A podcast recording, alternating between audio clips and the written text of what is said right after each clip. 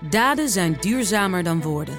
Bij PwC geloven we dat de uitdagingen van de toekomst vragen om een ander perspectief. Door deze uitdagingen van alle kanten te bekijken, komen we samen tot duurzame oplossingen. Zo zetten we duurzaamheidsambities om in acties die ertoe doen. Ga naar pwc.nl. Je kunt ons live of terugluisteren. Dat kan via de BNR-app. Daarin vind je bijvoorbeeld Dossier Europa. Download de BNR-app. BNR Nieuwsradio. The Big Five. Het nieuwe jaar is van start gegaan. Dat is een mooi moment om terug te blikken op het ja, onrustige 2023... en vol frisse moed vooruit te blikken op dit verse jaar. Want wat kunnen we daarvan verwachten? Daar ga ik over in gesprek deze week met vijf gasten... die allemaal op een eigen manier een bijzonder jaar achter de rug hebben... en ook vol plannen zitten voor dit nieuwe jaar. Vandaag is dat Dirk Sauer, Ruslandkenner, journalist, uitgever van de Moscow Times. Welkom. Dankjewel. Fijn dat je er bent.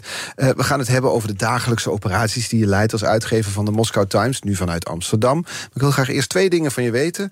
Allereerst in een eerdere column, uh, wat was het? 24 november 2023 noemde je de verkiezingswinst van Wilders van onschatbare waarde voor het Kremlin. Waarom zijn ze daar zo blij met die uitslag, vroeg ik me af. Nou, omdat het helemaal hun narratief bevestigt dat uh, Europa een grote ruk naar rechts maakt. En vergis je niet, Nederland is maar een klein landje, maar toch voor, vanuit Russisch perspectief in Europa heel erg belangrijk. We hebben natuurlijk de MH17, we hebben, uh, wij zijn het gasland, hè, dus we hebben hele, altijd hele nauwe contacten met Rusland gehad. Mm -hmm. uh, um, en dat uitgerekend dat liberale Nederland uh, zo'n ruk naar rechts maakt, dat werd met gejuich ontvangen in, uh, in Moskou. Ja, want we zien onszelf als een klein landje. Met, denk je echt dat ze in, in het Kremlin dus bezig zijn met de politieke verhouding hier? Wordt daar de formatie gevolgd? Ja, absoluut. absoluut. Kijk, uh, de hele filosofie van Poetin is tijd. Dat tijd in zijn voordeel werkt. En hij is ervan overtuigd dat als hij maar lang genoeg wacht en de oorlog lang genoeg kan rekken, dat de steun voor Oekraïne af gaat nemen. Uh, hij ziet hè, Nederland nu, uh, Italië natuurlijk al hiervoor. Duitsland komen verkiezingen aan, AFD, rechtse partij in opmars. Um, hij ziet langzaam maar zeker hè, vanuit zijn perspectief de boel hier in elkaar zakken. Mm -hmm. Trump natuurlijk niet te vergeten in Amerika. Um, en en uh, ja, het was toch een, een onverwachte overwinning van, van uh, Wilders. He, die natuurlijk nog niet zo heel lang geleden op bezoek is geweest uh, in, in Moskou. Mm -hmm. Die altijd zich nogal warm heeft uitgelaten over Poetin. Um, dus ja, dat was feest. En op het journaal en, en in alle commentaren werd dat zeer prominent gebracht. Tweede vraag waarmee ik wilde beginnen is zat nog eens terug te kijken. Er zijn verschillende militaire legerleidingen in Europa, Zweden, België, ook hier in Nederland, de baas van de Nederlandse landstrijdkrachten, die waarschuwen dat Europa, dus ook ons land, serieus rekening moet houden met een gewapend conflict met Rusland. Is dat iets waar jij ook voor vreest? Nou ja, zover zijn we natuurlijk nog lang niet. Hè? Omdat de Oekraïne He, uh, eigenlijk uh, stand houdt tot nu toe. Uh, en en de hete kolen uit het vuur haalt. wij zijn natuurlijk, behalve dat zij vechten voor hun eigen land, zijn wij ook heel veel verschuldigd aan, aan de Oekraïners. want Wat is wel bedoel je dat? Nou, omdat uh, uh, als Poetin daar meteen succes zou hebben gehad... dus gewoon Kiev was binnengelopen... wat hij eigenlijk had gedacht dat hij in een paar dagen... op het, het, bordes in, in Kiev zou staan... Ehm, dan was dat een, een, begin van nog veel meer. Want Poetin wil natuurlijk de oude Sovjet-Unie eigenlijk in ere herstellen. Dat zou betekenen de Baltische Staten Baltische Staten, Moldavië, uh, Georgië, natuurlijk, uh, daar zijn ze al natuurlijk mee bezig geweest. Dus uh, die dreiging is er wel degelijk. Ja. Maar het is, je zegt, het is nog niet zo ver, dus, maar wat dat betreft is het belangrijk dat Oekraïne stand houdt. Nou ja, dat is van essentieel belang voor, voor Europa. Want anders staat Poetin gewoon aan, aan de Europese grenzen.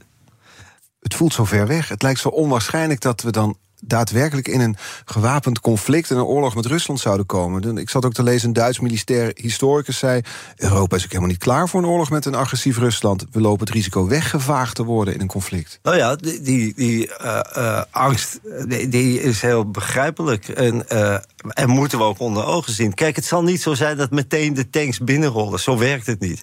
Maar bijvoorbeeld in de Baltische Staten uh, is een grote Russische minderheid. Um, die zeer actief bewerkt wordt door de Russische overheid. En daar is, daar is veel ontevredenheid bij die mensen. Die voelen mhm. zich gediscrimineerd. Uh, dus je, je, ziet dat scenario al aankomen, dat, dat ze dat gaan opstoken, uh, dat ze daar misschien gewapende aanslagen en, en andere dingen krijgen. En dan, nou ja, dan, dan ontwikkelt zich zo'n conflict. En dat kan dan uitlopen op, op inderdaad een, een echt serieus gewapend conflict. onrust, ja. 2023. Eh, eh, alles wat Poetin doet is gericht op het creëren van onrust in Europa. In Europa, het Westen is algemeenheid. Maar ja, goed, fysiek, Amerika is natuurlijk is aan de andere kant van de, van de oceaan. Dus, dus feitelijk in Europa. Ja, want ik kwam ook een verhaal tegen. Ja, we, we, beginnen heel somber hoor. We komen straks te spreken over Moscow Times. Maar we zijn er nu toch in gedoken. Verhaal tegenover de Wagner-aanwezigheid. Die, die, die lege groepering. Die zijn vooral in, in Afrika nu actief. Dat zou dan ook weer een reden hebben dat Poetin vanuit daar de vluchtelingenstroom op een gegeven moment aan kan zetten naar Europa. Nou ja, dat hebben ze natuurlijk ook gedaan toen met uh, bellen met Wit-Rusland. Ik, kan je misschien nog herinneren, al die vluchtelingen... die werden gewoon gehaald vanuit Afrika. En die werden uh, Europa ingestuurd. Zeker, natuurlijk. Poetin probeert aan alle knoppen te draaien. Uh, Waarom en, wil hij ons zo graag destabiliseren? Nou, omdat hij... omdat hij ervan overtuigd is geraakt... Hè, en dat is een lang proces, want toen hij in 2000 aan de macht kwam, lag het allemaal heel anders. En was hij eigenlijk, denk ik, toch eh, eh, veel meer geïnteresseerd in geld verdienen en kapitalisme. Mhm. hij was uiteindelijk de rechterhand van, uh, van een hele liberale burgemeester. En hij was hoofd internationale betrekkingen van, de, van Petersburg. Ja, hij heeft een weg afgelegd. Uh, dus, maar hij is er door de jaren heen van overtuigd geraakt dat hij een speciale missie heeft. hij is een soort orthodoxe ayatollah geworden. Orthodoxe ayatollah? Ja. dus er is enorm veel overeenkomsten tussen Iran en uh, Rusland. Uh, omdat er is, er is heel weinig rationeel meer in wat hij doet. ik bedoel, het is niet in het belang van Rusland. de hele economie stort in elkaar. Uh, honderdduizenden mensen verliezen hun leven. dus gewoon objectief schiet hij er niks mee op de, uh, alle buurlanden van Rusland uh, hebben inmiddels een hekel aan Rusland, zijn bang voor Poetin. Mm. Iedereen is in, in, in, in het voormalige Sovjetgebied is bang voor Poetin. Uh, dus Rusland is er niet beter van geworden. Maar hij heeft dit, zoals die Ayatollahs. Zitten vast in een, in een bepaald denkbeeld, bedoel je? Precies. Hij, dat heeft hij langzaam maar zeker ontwikkeld en gecreëerd. En samen met die orthodoxe kerk. Hè, er wordt eigenlijk veel te weinig gesproken over de rol van de orthodoxe kerk. Die hier eh, een grote aanjager van is. En dat heeft dan te maken vanuit de orthodoxe kerk met het verderfelijke Westen. Al die liberale waarden die we hebben. Precies. Waar, waar, een eind aan gemaakt moet worden. En ze hebben ook, ik bedoel, ze zijn zo geobsedeerd door homo's, lesbiennes, woke. Eh, terwijl dat in Rusland zijn het helemaal geen issues voor de gewone Rus. Ik bedoel, maakt het uit. Uh, maar daar zijn ze zo door, door of ze, uh, Poetin en, en die klik om hem heen, zo door geobsedeerd. Um, dat. En op, op een bepaald moment ga je ook in je eigen propaganda geloven. Ik zei, gisteravond zat ik naar de, of eergisteren naar de televisie te kijken... en er was een, een, een, een, een bekende uh, journalist die zat ijskoud te vertellen dat in elite restaurants in het Westen er menselijk vlees wordt geserveerd. Ben ik nog nooit dat geweest. Is, Dat is, ik bedoel, en dit is dus gewoon het eerste kanaal. Dit is gewoon Nederland, het Rusland 1. Ja. Weet je wel? Het is gewoon een serieus, oh serieus natuurlijk niet, maar gewoon een belangrijk nieuwsprogramma. En dat wordt dan, dus dag na dag worden dit soort verhalen over de bevolking uitgestrooid. Precies. Is er, worden er metingen gedaan? Is er een beeld van of dit ook landt bij de gemiddelde kijker? Nou, kijk, metingen in een totalitaire staat doen. is natuurlijk heel erg lastig. Want niemand gaat hardop zeggen van eh, eh, ik ben het er niet mee eens of het is onzin. maar nou, ik heb daar natuurlijk zelf 30 jaar gewoond. En de laatste 20 jaar, of eh, het is 23 jaar, met Poetin. En die, die constante propaganda. En zelfs ik, als buitenstaander, als, als westerling. Zelfs ik merkte dat dat toch onder je huid gaat zitten. Als je maar elke dag hoort van ja, maar het, hè, met die, hè, nu bijvoorbeeld met die oorlog van ja, maar het Westen is begonnen en Amerika is agressief en nou ja, noem het allemaal maar op. Ja, en je hoort het dag in dag uit. Uh, en je hebt niet de kans om andere informatie tot je te nemen. Ja, dan, dan is het niet verwonderlijk dat heel veel mensen daarin gaan geloven. Ja dan is het des te tragischer ergens. Nou, niet ergens, des te tragischer dat die, die vrije pers, die vrije nieuwsgaring daar niet meer mogelijk is. Dat de Moscow Times, waar je de uitgever van bent bijvoorbeeld, moest uitwijken naar, naar Amsterdam. Nou ja, dat is hè, het allereerste wat Poetin deed in 2000 toen hij president werd, was het onder controle brengen van de Russische televisie. Dat was, toen had je nog privé onafhankelijke televisiestations. En het allereerste wat hij deed, was daar een einde aan maken. Hij had heel erg goed in de gaten. Uh, het begint met propaganda. En sindsdien ja, is het eigenlijk stap voor stap alleen maar bergafwaarts gegaan met de mediavrijheid. En nu is het. Het is ook van een autoritaire staat in een totalitaire staat veranderd. Mm. Het is een groot verschil. Um, Hoe zou je dat verschil omschrijven? Nou ja, kijk, in een autoritaire staat uh, uh, is er toch altijd wel wat ruimte voor een tegengeluid. misschien niet. Bijvoorbeeld de televisie is in handen van de overheid, maar kranten, websites enzovoorts kunnen dan min of meer toch nog ja. uh, uh, uh, vrij berichten. En dat is in Rusland ook een aantal jaar het geval geweest. Maar elke keer weer werd, dat, werd, dat, werd daar een stukje van afgepakt. De Big Five. Art Rojakkers. Met vandaag de gast Dirk Sauer, uitgever van de Moscow Times. En nou, we kwamen het al meteen te spreken over de oorlog. Rusland kennen natuurlijk ook na al die jaren gewoond te hebben in dat land. Uh, vlak na de Russische invasie in Oekraïne vertrok je uit, uit Rusland. Uh, dacht je toen, ik zit twee jaar later nog steeds in Nederland? Nee, dat was dus in uh, begin maart. Bijna twee jaar geleden? Ja. en wij dachten met kerstmis zijn we gewoon weer thuis. En in het begin was ook iets van allereerst, niemand kon het eigenlijk geloven. um, het, het, verraste iedereen, alle journalisten, analisten, uh, politici uh, waren verbijsterd in Rusland. Um, en ja, we dachten, ja, er komt snel een, een, wapenstilstand of onderhandelingen. Of, nou ja, maar goed, dat is dus allemaal niet gebeurd. Weet je eigenlijk hoe het met je huis is daar? Ja, die staat er nog. De tandenborstel staat nog in, uh, in het glas. Ja. En is de voordeur op slot of gebruikt iemand het huis nu? Nou, we hebben iemand daar natuurlijk zitten om het huis in de gaten te houden. Ja. Uh, Alek, uh, onze huisbewaarder. En daar bel ik nou, dagelijks, maar, maar twee keer per week zeker uitvoerig mee. En hij stuurt ook steeds foto's. Het is ook krankzinnig. Prachtig huis. Um, mis je het? Ja, ik mis het heel erg. Ik mis, ik mis Moskou, ik mis de winter. nu, nu, het is nu heel koud, hè, min 20. Uh, sneeuw. Uh, als ik mijn huis uitloop, een straatje om, uh, ben ik bij de rivier. Uh, langlaufen. De, de, koepels van de kerk, zon. ja, dat heeft iets magisch. Ja. En ik mis dat heel erg. Terwijl je, je werkt nu vanuit Nederland dus. Er zijn met, met een heleboel redacteuren van de Moscow Times. Ik zei het al, zijn jullie vertrokken naar het buitenland. Of eerst jij en daarna zijn ze overgekomen. Hè? Met hoeveel mensen werken jullie nu vanuit Amsterdam uh, aan, die, aan die krant? Nou, we zijn uh, niet alleen met de Moscow Times inmiddels. We zijn met een veel grotere groep. Ja. Want Eerst was het dus een paar redacteuren van de Moscow Times. En, en, en nou ja, toen hoorden andere onafhankelijke journalisten ervan dat wij hier bij, eh, bij DPG, de Volkskrant Trouw Parool, mhm. hier in Amsterdam uh, uh, zaten. Dus die belden me op van kunnen we ook komen. En, uh, en inmiddels hebben we een newsroom van meer dan 80 journalisten. een, een grote tv-studio, podcast. eh. en zijn we eigenlijk uitgegroeid tot het belangrijkste centrum van onafhankelijke Russische journalistiek in de wereld. Ja.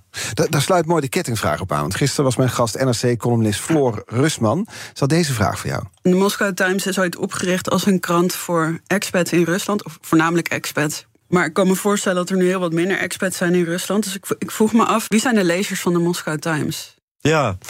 De, ja, een hele logische vraag. Eh, het klopt, hè, het was natuurlijk een dagblad, hè, het was een krant. Het was, ik- dat is begonnen eh, nog voordat internet bestond. Eh, voor eh, mensen die Engels lazen, dus dat waren zeker expats en een, kleine natuurlijk groep Russen. Ehm, maar inmiddels hebben we een enorm groot bereik wereldwijd in het Engels. Maar wat veel belangrijker is, we hebben ook een hele grote Russische service. Dus een Russische website en ook Russische podcasts en enzovoorts. Ehm, en dat is helemaal gericht op, op Rusland. En eh, TV Rain, eh Dost in het Russisch, eh, het televisiestation. Dat zendt dus uit op YouTube nu, want die zijn ook verboden in Rusland. Wij zijn natuurlijk ook verboden in Rusland. Ehm, eh, en die bereiken ook een heel groot publiek. Dus En kun je, kun je zien hoe Russen dan nu bij jullie uitkomen? Want als je verboden bent, zullen ze daar via internet ook omwegen voor moeten nemen. Ja, het is allemaal. Het is een, een ongelooflijke eh, kat-en-muis gevecht dat wij eh, voeren. Eh, het, één ding dat nog go- goed is, is dat YouTube nog steeds niet verboden is in Rusland. Dat, dat proberen die Russen heel erg van af te komen, maar dat is technisch nogal ingewikkeld, omdat mobiele telef- telefonie ook wordt. Eh, Google levert ook de eh, applicaties voor mobiele telefonie. En daar staat YouTube nou eenmaal op. En eh, nou, die, Google heeft gezegd: als, je, als jullie YouTube sluiten in Rusland, dan houden wij op met het ondersteunen van de mobiele telefonie in Rusland. En dan kunnen ze niet meer bellen in Rusland. Dus dat is goed. YouTube is dus nog een, een, een platform dat we kunnen gebruiken. Telegram is een ander platform. En wij hebben bijvoorbeeld meer dan 100.000 abonnees. Eh, en, en miljoenen en miljoenen lezers op, eh, op Telegram. En onze websites, daar gebruiken we allemaal VPN's voor. Ehm, eh, en allemaal, dat noemen ze mirror sites. Dus bijna dagelijks veranderen wij van URL, dus de, de do- domeinnaam. Ehm, en op die manier ja, ontwijken we het verbod van de Russen. Ja. En wordt er dan, want er wordt altijd hier gewaarschuwd voor Russische hackers. Daar hebben jullie er ook mee te maken? Dat vanuit Moskou pogingen worden gedaan om jullie plat te leggen? Er zijn voortdurende eh, DDoS-attacks op onze sites. We zitten ook in, een, in Nederland in een speciaal programma van de, eh, van de ge- gezamenlijke eh, providers. Ja. Internetproviders, die hebben een soort wasstraat. Dat is een speciale bescherming voor, voor mensen zoals wij. Die eigenlijk Ehm, voortdurend je schoon proberen te houden van die aanvallen. Ja, zodat we die aanvallen af kunnen staan. Het is een enorme. Het, het is, eh, eh, ik ben natuurlijk journalist. Ik, ben, ik kom uit, de schrijvende. ik ben van de generatie van stukjes schrijven. Maar eh, eh, de het meeste tijd besteden wij nu eigenlijk aan techniek. Hoe distribueren wij? eh, hebben, we we hebben net bijvoorbeeld een app gelanceerd. Eh, die niet te blokkeren is, of heel moeilijk te blokkeren is door de Russische overheid. Dus wij zijn voortdurend bezig met techniek. Hoe krijgen wij onze eh boodschappen in Rusland? Ja. Want, en dat wordt dan actief vanuit Rusland er tegengewerkt. Dat is dat kat-en-muisspel dat je beschrijft. Ja, want zij, zij geven eh, honderden miljoenen uit aan, aan het blokkeren van, van oppositiemedia. Ja, ja. Nou, en nou is het niet alleen dan met de sites die wordt te- tegenwerkt, maar eh, jij en ook eh, veel redacteuren van de Moscow Times, voor- misschien wel ook van, van TV Rain, staan op een steeds groter wordende lijst van het Kremlin met daarop zogeheten eh, buitenlandse agenten heet dat dan volgens Ja, mij. hè? foreign agents, buitenlandse agenten. En er is nog een, nog een zwaardere kwalifica- kwalificatie. En dat heet undesirables in Engels. On, onwenselijken. Mhm. dus Ongewenste vreemdelingen. ongewensten. Eh, en als je dat label heeft, en eh, eh, mijn collega's van TV Rain, van, van de tv-zender, die hebben dat inmiddels. Dan is het zelfs voor een, voor een Rus is het verboden om daarnaar te kijken. Of contact te hebben met iemand van TV Rain. Dus, mensen die, kunnen, die hier werkzaam zijn, hebben nu bijvoorbeeld geen contact met hun familie? Dat is dus als ze dat. Als ze daar, hè, als ze daar achter zouden, als ze daar achter, dan kan je 15 jaar de gevangenis in gaan. Dus dat is, eh, eh, eh, dat is een, een bizarre situatie. Het is uiteraard ook, ook voor ons als foreign agent, want ik ben ook persoonlijk een foreign agent. Hè, je, je bedrijf kan een foreign agent Ja. zijn, maar je kan ook als, als individu. Wat heeft dat voor jou voor gevolgen dan? Nou ja, kijk, zolang ik maar niet naar Rusland ga, heb ik er geen last van. Maar Je hebt daar dat mooie huis, en dat, Ja. die langlaufroute bij, Ja. de, bij die rivier. nou ja, dat kan dus niet meer. Denk je no- nog terug te kunnen? Dat is een eh, hele moeilijke vraag. Kijk, nu niet natuurlijk. En zolang Poetin aan de macht is, is dat uitgesloten. En we weten ook niet, stel voor, Poetin gaat morgen dood, wat voor Wie er dan komt? wie er dan komt. Ehm, en ik ben inmiddels de 70 gepasseerd, dus eh, het, wordt, eh, het kan nog wel even duren. Ehm, Maar maar we goed, lachen er nu om, maar het is ergens ook een trieste conclusie. ja, dat is een hele trieste conclusie. Maar we hebben toch in de familie, want mijn kinderen... hè, Ik heb drie zonen die allemaal natuurlijk opgegroeid zijn in Rusland. Mhm. En twee van, hun, twee van mijn zonen zijn ook getrouwd met een Russische... of hebben een Russische partner. Ehm, en die hebben toch... We hebben onderling gezegd van, nou, we houden dat huis toch eh, aan. Eh, want De volgende generatie misschien. het is, ja, want we hebben ook kleinkinderen. Russisch, eigenlijk Russische kleinkinderen. Ehm, en we willen. We willen eigenlijk hopen. Weet je, je, je snijdt de hoop ook door als je Afscheid neemt. afscheid neemt. Dat, dat is. eh, het, het idee dat ik daar, als ik morgen op het vliegtuig stap. Ik doe de deur open, eh, mijn sloffen staan klaar. eh, heb, ik, ik kan mijn- mijn leven zo weer oppakken dan, weet je wel? En als je dat huis niet meer hebt, dan kan het niet meer. Dus dat is, ik denk, het is ook vooral een mentaal ding. Ja, dat snap ik. Omdat het mentale zit hem dan ook in dat het is. Daarmee maak je ook een onderscheid misschien tussen degene die het land nu runnen, Poetin en de mensen om hem heen, en het land zelf. Ja, dat klopt. Ehm, hoewel natuurlijk bijna al onze vrienden, eh, Russische vrienden, want we hadden daar eh, nou, natuurlijk, als je ergens meer dan 30 jaar woont, dan, dan heb je natuurlijk vooral lokale vrienden.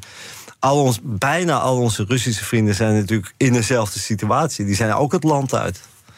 Ehm, Dus dat leven dat jullie hadden is er ook niet meer. dus het, kijk, het idee van teruggaan naar het Rusland zoals wij kenden, dat is een idee fix. Dat idee wil ik graag hebben. Eh, en dat hou ik ook vast.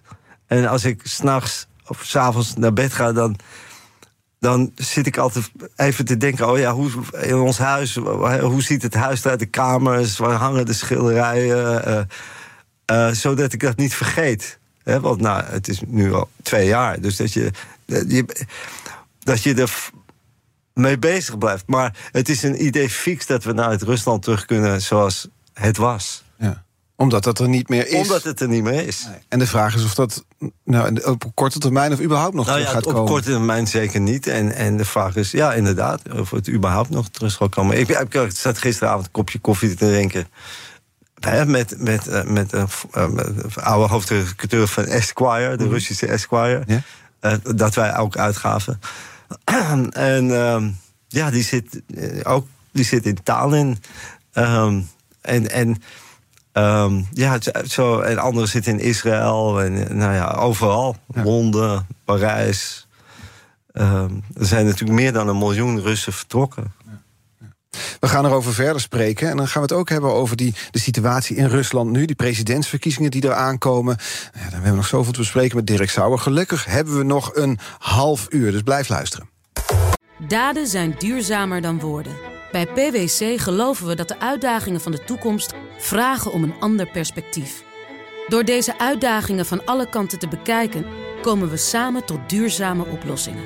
Zo zetten we duurzaamheidsambities om in acties die ertoe doen. Ga naar pwc.nl.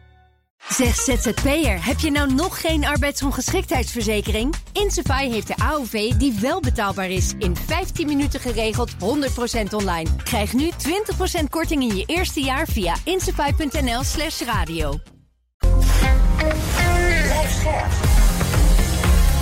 BNR Nieuwsradio. The Big Five. Art Rooijakkers. Welkom bij tweede half uur deze week. Vijf bijzondere gasten met wie ik terugblik op 2023 en vooruit op dit jaar. Eerder deze week sprak ik onder andere met sterrenkundige Vincent Ike... over het recordjaar voor de ruimtevaart dat we achter de rug hebben. Het is terug te luisteren via de BNR-app. We hebben het ook over het multiversum. Nou, niet één universum, maar misschien wel veel meer hebben. Het is allemaal terug te luisteren dus. Vandaag de gast Ruslandkenner en uitgever van de Moscow Times, Dirk Sauer. Ehm, twee onderwerpen wil ik sowieso graag nog met je bespreken. Uh, dit half uur namelijk jouw journalistieke plannen voor, voor het komende jaar... En, en de kijk op het verdere verloop van de oorlog tussen Rusland en Oekraïne. Als we met het laatste uh, beginnen, we hadden het al over het feit dat Poetin rekent op de tijd. De tijd spreekt in zijn voordeel. Time is on his side, denkt hij. Duurt al bijna twee jaar, de oorlog. Hè? Ja. Februari vieren we dat uh, uh, nou bloedige jubileum. Staan we in ieder geval bij stil. Is, er is geen einde in zicht op dit moment, hè? Uh, nog niet. Ehm, maar we moeten natuurlijk wel... Kijk, en het ziet er op het moment, moment natuurlijk somber uit. Hè? Dat tegenoffensief van Oekraïne is, is vastgelopen. Dus de grote discussies over wapenleveranties aan Zelensky en zo. Dus we zijn allemaal een beetje somber. Maar als we even één stap terugnemen. Uh, allereerst even vaststellen dat het doel van Rusland in die twee jaar. Dus het omverwerpen van de Oekraïne. Eigenlijk het opheffen van Oekraïne als land. is mislukt.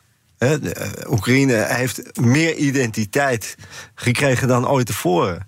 Dus uh, dus dat is al heel erg belangrijk om ons te realiseren. Zelfs als bijvoorbeeld de Russen erin zouden slagen, wat ik niet geloof, uh, dat ze nog verder kunnen oprukken. Um, dan krijgen ze toch te maken met guerrilla, met, met, met verzet. Mm -hmm. De Oekraïners geven zich niet meer over. Er is te veel gebeurd, er zijn te veel doden gevallen. De, uh, en ze zijn te trots op hun land. Uh, dus in die zin kan je zeggen, Oekraïne heeft eigenlijk al gewonnen. Uh, daarmee is natuurlijk uh, het conflict niet opgelost. Maar dat moeten we wel goed in ons achterhoofd houden.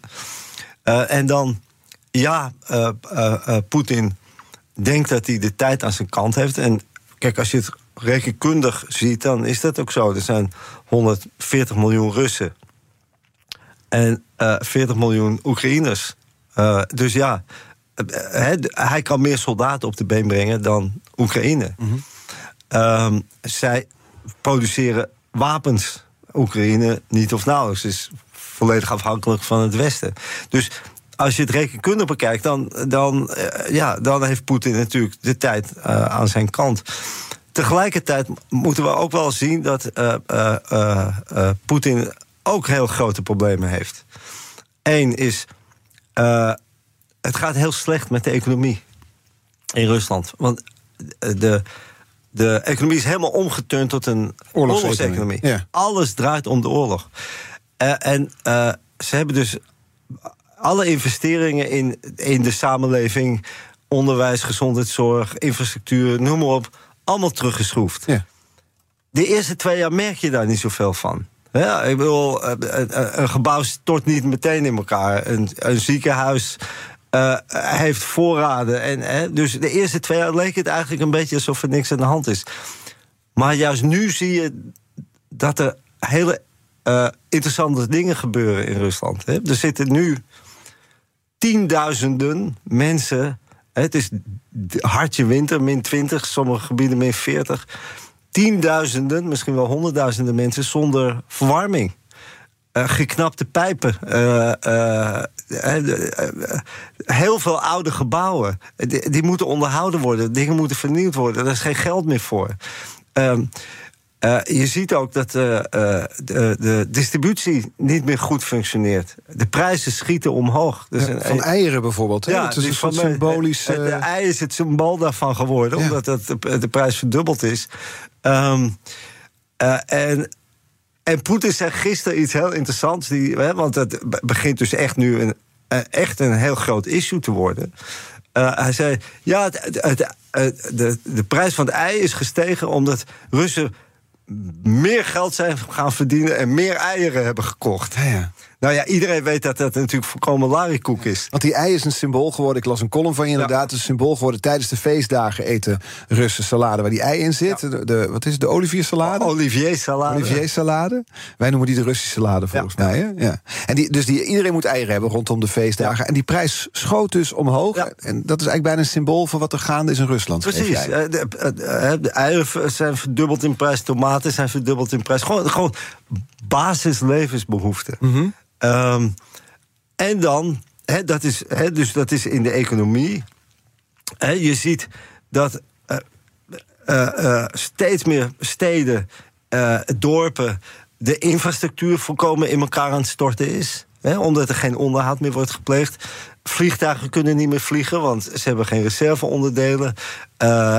Dus het, het vervoer, het transport wordt steeds moeilijker. En Rusland is natuurlijk een gigantisch land. groot land, dus dat is heel essentieel. Als er geen vliegtuigen zijn, heel veel gaat door de lucht, omdat het niet over land kan. Ehm, en wat je ook ziet is dat eh, er zoveel doden zijn gevallen, eh, eh, 350.000 doden en zwaar gewonden, ehm, dat dat begint ook een impact te krijgen. En in het begin zag je die filmpjes op social media van, van eh, eh, familieleden die. eh, zeiden van tegen Poetin, en daar spraken ze Poetin toe van eh, hè, onze tsaar, weet je wel, van Ja. geef onze mannen warme kleding en wapens en dit en dat. Maar de toon daarvan is heel erg veranderd. Wat je nu ziet zijn filmpjes. Waarom doen we dit eigenlijk? Oh ja? Waar, waar is deze oorlog goed voor? Wie, wa- waarom, waarom sneuvelen we onze kinderen voor niks? Ja. Kijk, ze hebben heel lang kunnen volhouden in het Kremlin dat als er mensen sneuvelden en dan kwam er een priester bij en, en, en die zwaaide met, eh, eh, met eh, heilig water en die zei: Het is een held van, de, van het land en die is gestorven voor een goede zaak.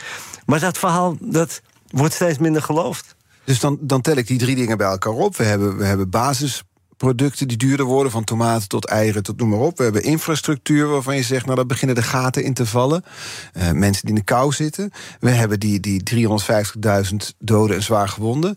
Dat, dat, dan zou je verwachten in aanloop naar die presidentsverkiezingen die er komen, dat gaat impact hebben. Nou ja, dat is dus precies wat er nu gebeurt. Je ziet nu, en het is allemaal, eh, het is allemaal op lokaal niveau. Het is allemaal nog niet in de headlines. eh, maar hè, wij, een van onze platforms die wij ondersteunen, dat is een groep regionale journalisten. En die hebben een hele interessante site. Ehm Heet die site? eh, Niet Gavarit Moskva, ja, het is in het Russisch. Dus, eh, Die laat ik even voorbij gaan. ehm, dus eh, hier spreekt niet Moskou. ja?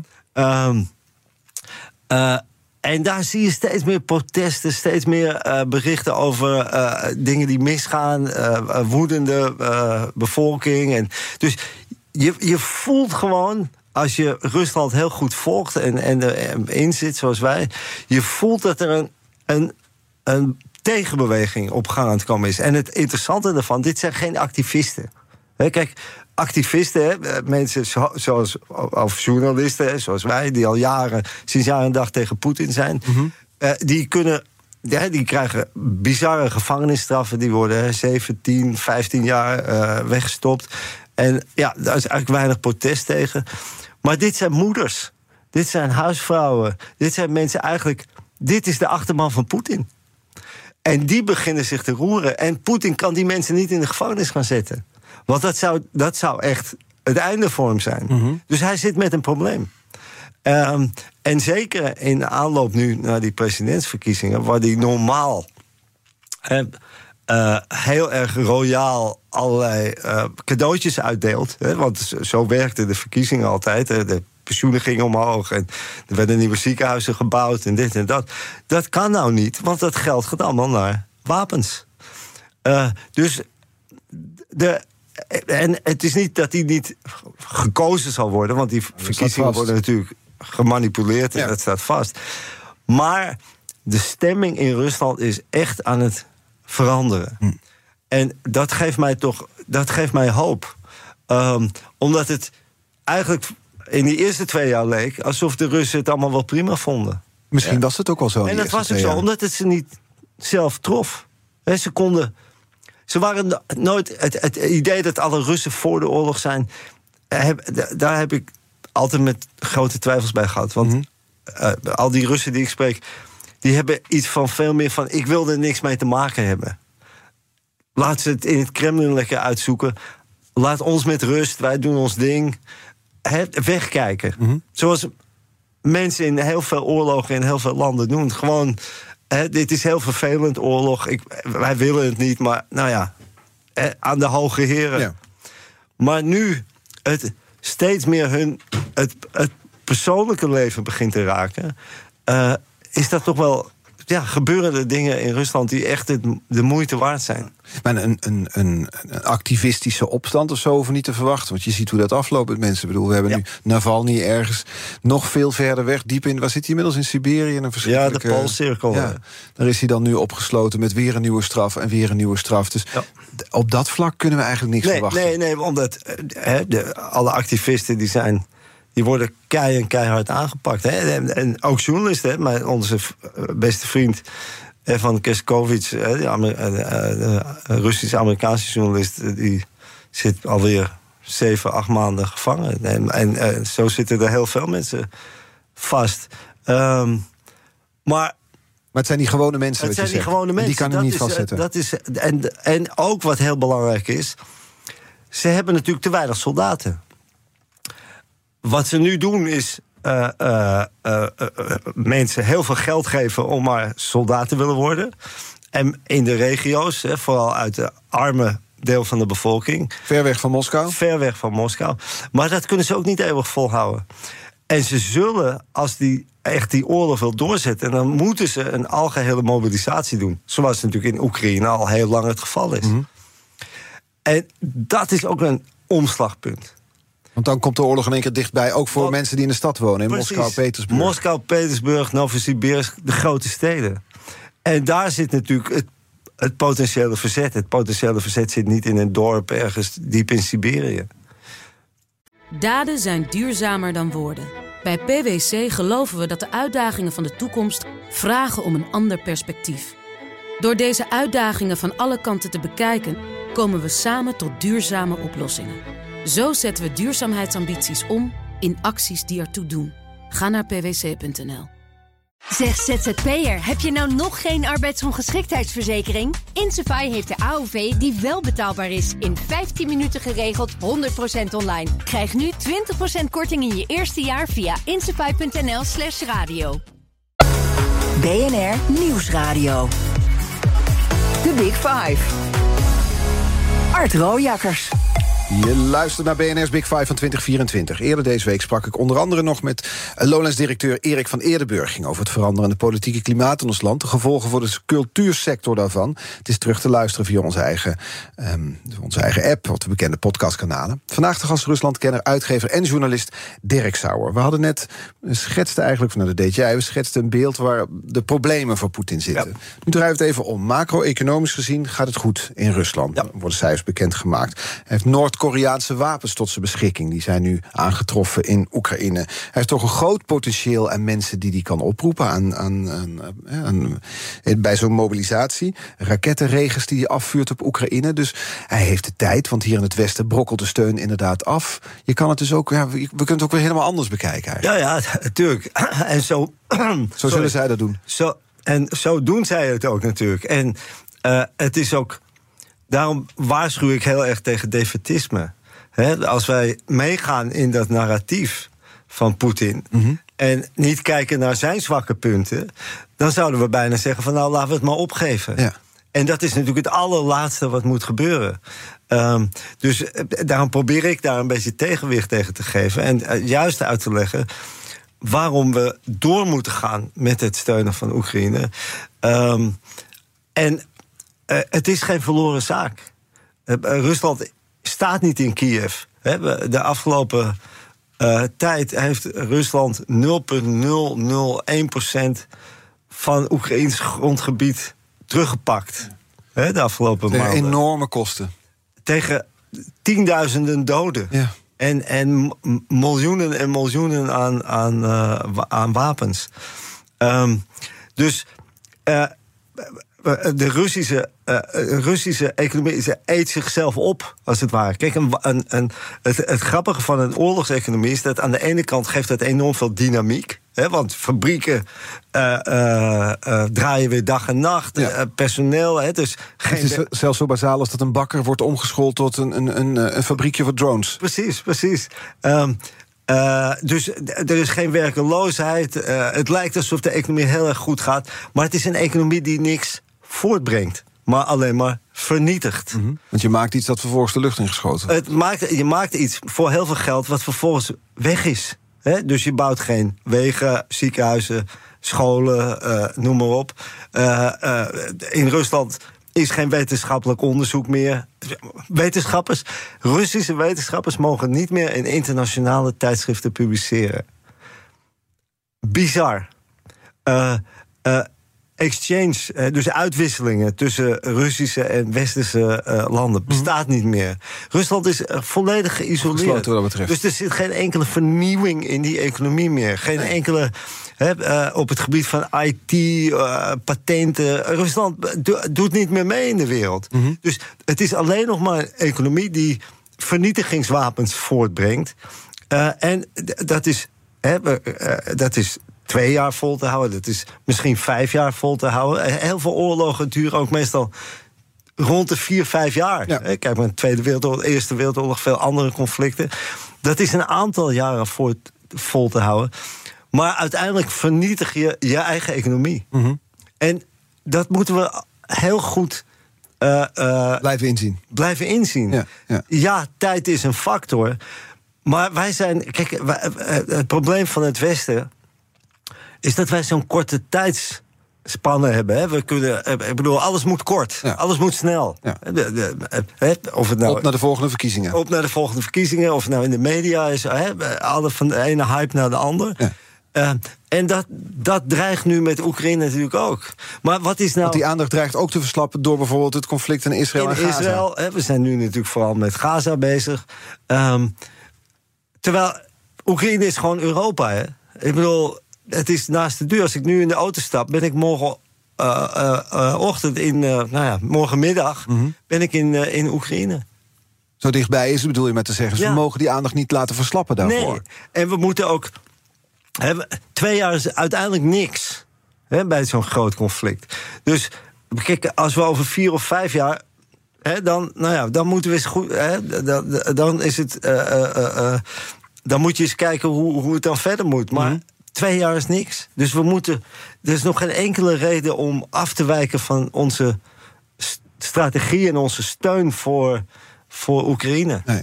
En toch is dat iets wat je dan nou ja, ergens soms ziet gebeuren, ook in het Westen. Je ziet, nou ja, straks wordt met angst en beven gekeken als het gaat om Oekraïne, dan naar die, de, verkiezingen in Amerika. Ja. Want die gaan veel impact hebben voor de steun vanuit Amerika voor. Oekraïne. Absoluut. Als Trump daar verkozen wordt, dan, dan gaat het allemaal anders zijn dan wanneer uh, bijvoorbeeld Biden aan de macht blijft. Ik neem aan dat Poetin daar ook al uh, druk mee bezig is met die verkiezingen in Amerika. Absoluut. En, en ze zullen natuurlijk alles doen, ook he, digitaal weer. Ja. met, we hebben, hebben ze bij de vorige verkiezingen natuurlijk ook gedaan. Uh, om, uh, wat die Russen doen, die steunen dus, of die, die wakkeren gewoon overal vuurtjes aan. Mm. Of het nou links is of rechts, dat maakt ze ook, ook allemaal helemaal niet uit. Nee, als er maar onrust is. Als er maar onrust is.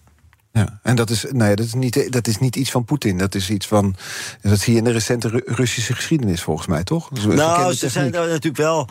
Onder Poetin zijn ze daar wel echt. Uh, hebben ze zich daarin gespecialiseerd, zou ik maar zeggen. He? Dus met die trollfabrieken. Ja. En, en dat is wel hun ding geworden. Ook omdat het eigenlijk met heel weinig kosten kan je eigenlijk redelijk veel impact hebben. Ja.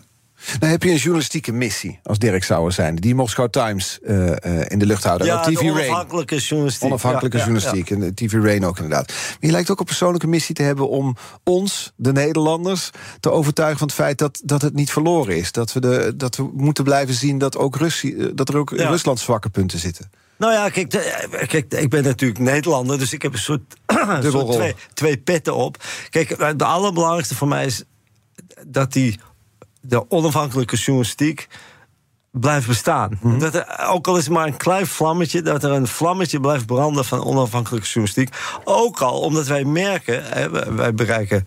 We hadden vorig jaar alleen al met de Moscow Times hadden we 800 miljoen pageviews op al onze kanalen. 800 miljoen. Dus miljoenen Russen hebben, hebben ons nieuws nodig. En eh, het, het is ook een soort.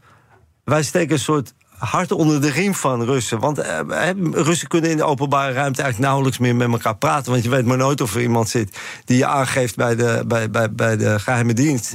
Eh, en, en je wordt gearresteerd. Dus Russen vinden eh, met name hè, de m- mensen die tegen het regime zijn. En dat zijn er miljoenen en miljoenen in Rusland. Die hebben dit nodig. Die, het is voor hun van levensbelang dat ze gewoon toch onafhankelijke informatie en opinies kunnen lezen. En dat geldt voor TV Rain net zo goed. Dus het is. Het is natuurlijk, wij zijn een, een, een, een, een muis vergeleken met die olifant van de Russische staatsmedia. Maar ja, we, we, we hebben toch impact. En olifanten zijn bang voor muizen, toch? ja. 71 ben je nu. Je kan niet stoppen. Nee, dat is. eh, ja, het, het, het, het, eh, het- het overkomt je ook natuurlijk. Hè? Want dit was natuurlijk niet het plan. Het plan was, hè, we, we zouden oud worden. eh, Rusland, eh, Nederland, een beetje reizen enzovoorts. Ehm, maar ja, nu zitten we hier middenin. Ja. En het overkomt je en dan kan je ook niet daarvoor weglopen.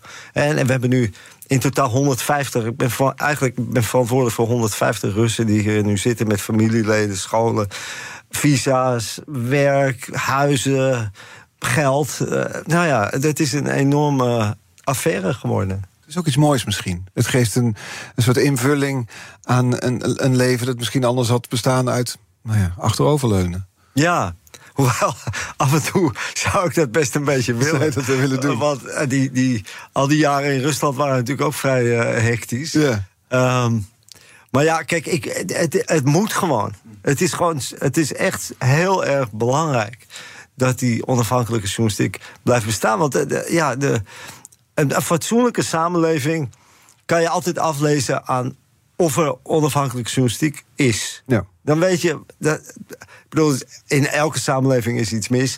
Maar in principe, als er gewoon onafhankelijke kranten, tv-stations enzovoort zijn, dan, dan is in de basis is dat oké, zo'n land. Ehm, en dat had Rusland eh, een aantal jaren. En dus moeten jullie dat nu eh, brandend houden. Eh, maandag is Ahmed Marcouch de gast bij mijn collega Diana, Diana Matroos. Het is een nieuwe Big Five Week waarin ze ook terugblikt op vorig jaar en vooruit naar, deze, naar dit jaar. De burgemeester van Arnhem. Eh, je mag hem een kettingvraag stellen. Ja, Arnhem, ik, ik, ik ken Arnhem eigenlijk helemaal niet. Maar iedereen kent Arnhem, want iedereen kent Vitesse. En we weten allemaal hoe slecht het gaat met Vitesse. Dus mijn vraag aan de burgemeester zal zijn... hoe gaat u Vitesse redden? Nou, ze zal het ervoor leggen. Ja, daar zaten volgens mij ook Russen toch een poosje bij. Ja, zeker. Abramovic eh, was toch een soort geheim eh, Wapen daar. daar. Ja. En, eh, nou ja, dat is ook allemaal weer misgelopen. Morgen, maandag is het dus. Diana Matroos met Ahmed Marcouch, de burgemeester van Arnhem. In een nieuwe Big Five Week. Dank voor de komst vandaag. Dirk Sauer, succes met al die werkzaamheden. Met die onafhankelijke nieuwsgaring. Dus vanuit Nederland voor Rusland. Uitgever van de Moscow Times en ook van TV Rain onder andere. Onze afleveringen zijn terug te luisteren. Je kunt je abonneren op onze eigen app. En dan, en dan kun je de podcast helemaal volgen. Kun je ook eerder gesprekken van deze week luisteren. Favoriete podcastkanaal werkt natuurlijk ook. Nu op deze zender BNR Zaken doen. Thomas van Zijl. Fijn weekend alvast. Dit jaar bestaat de Daden zijn duurzamer dan woorden. Bij PwC geloven we dat de uitdagingen van de toekomst vragen om een ander perspectief. Door deze uitdagingen van alle kanten te bekijken, komen we samen tot duurzame oplossingen. Zo zetten we duurzaamheidsambities om in acties die ertoe doen. Ga naar pwc.nl.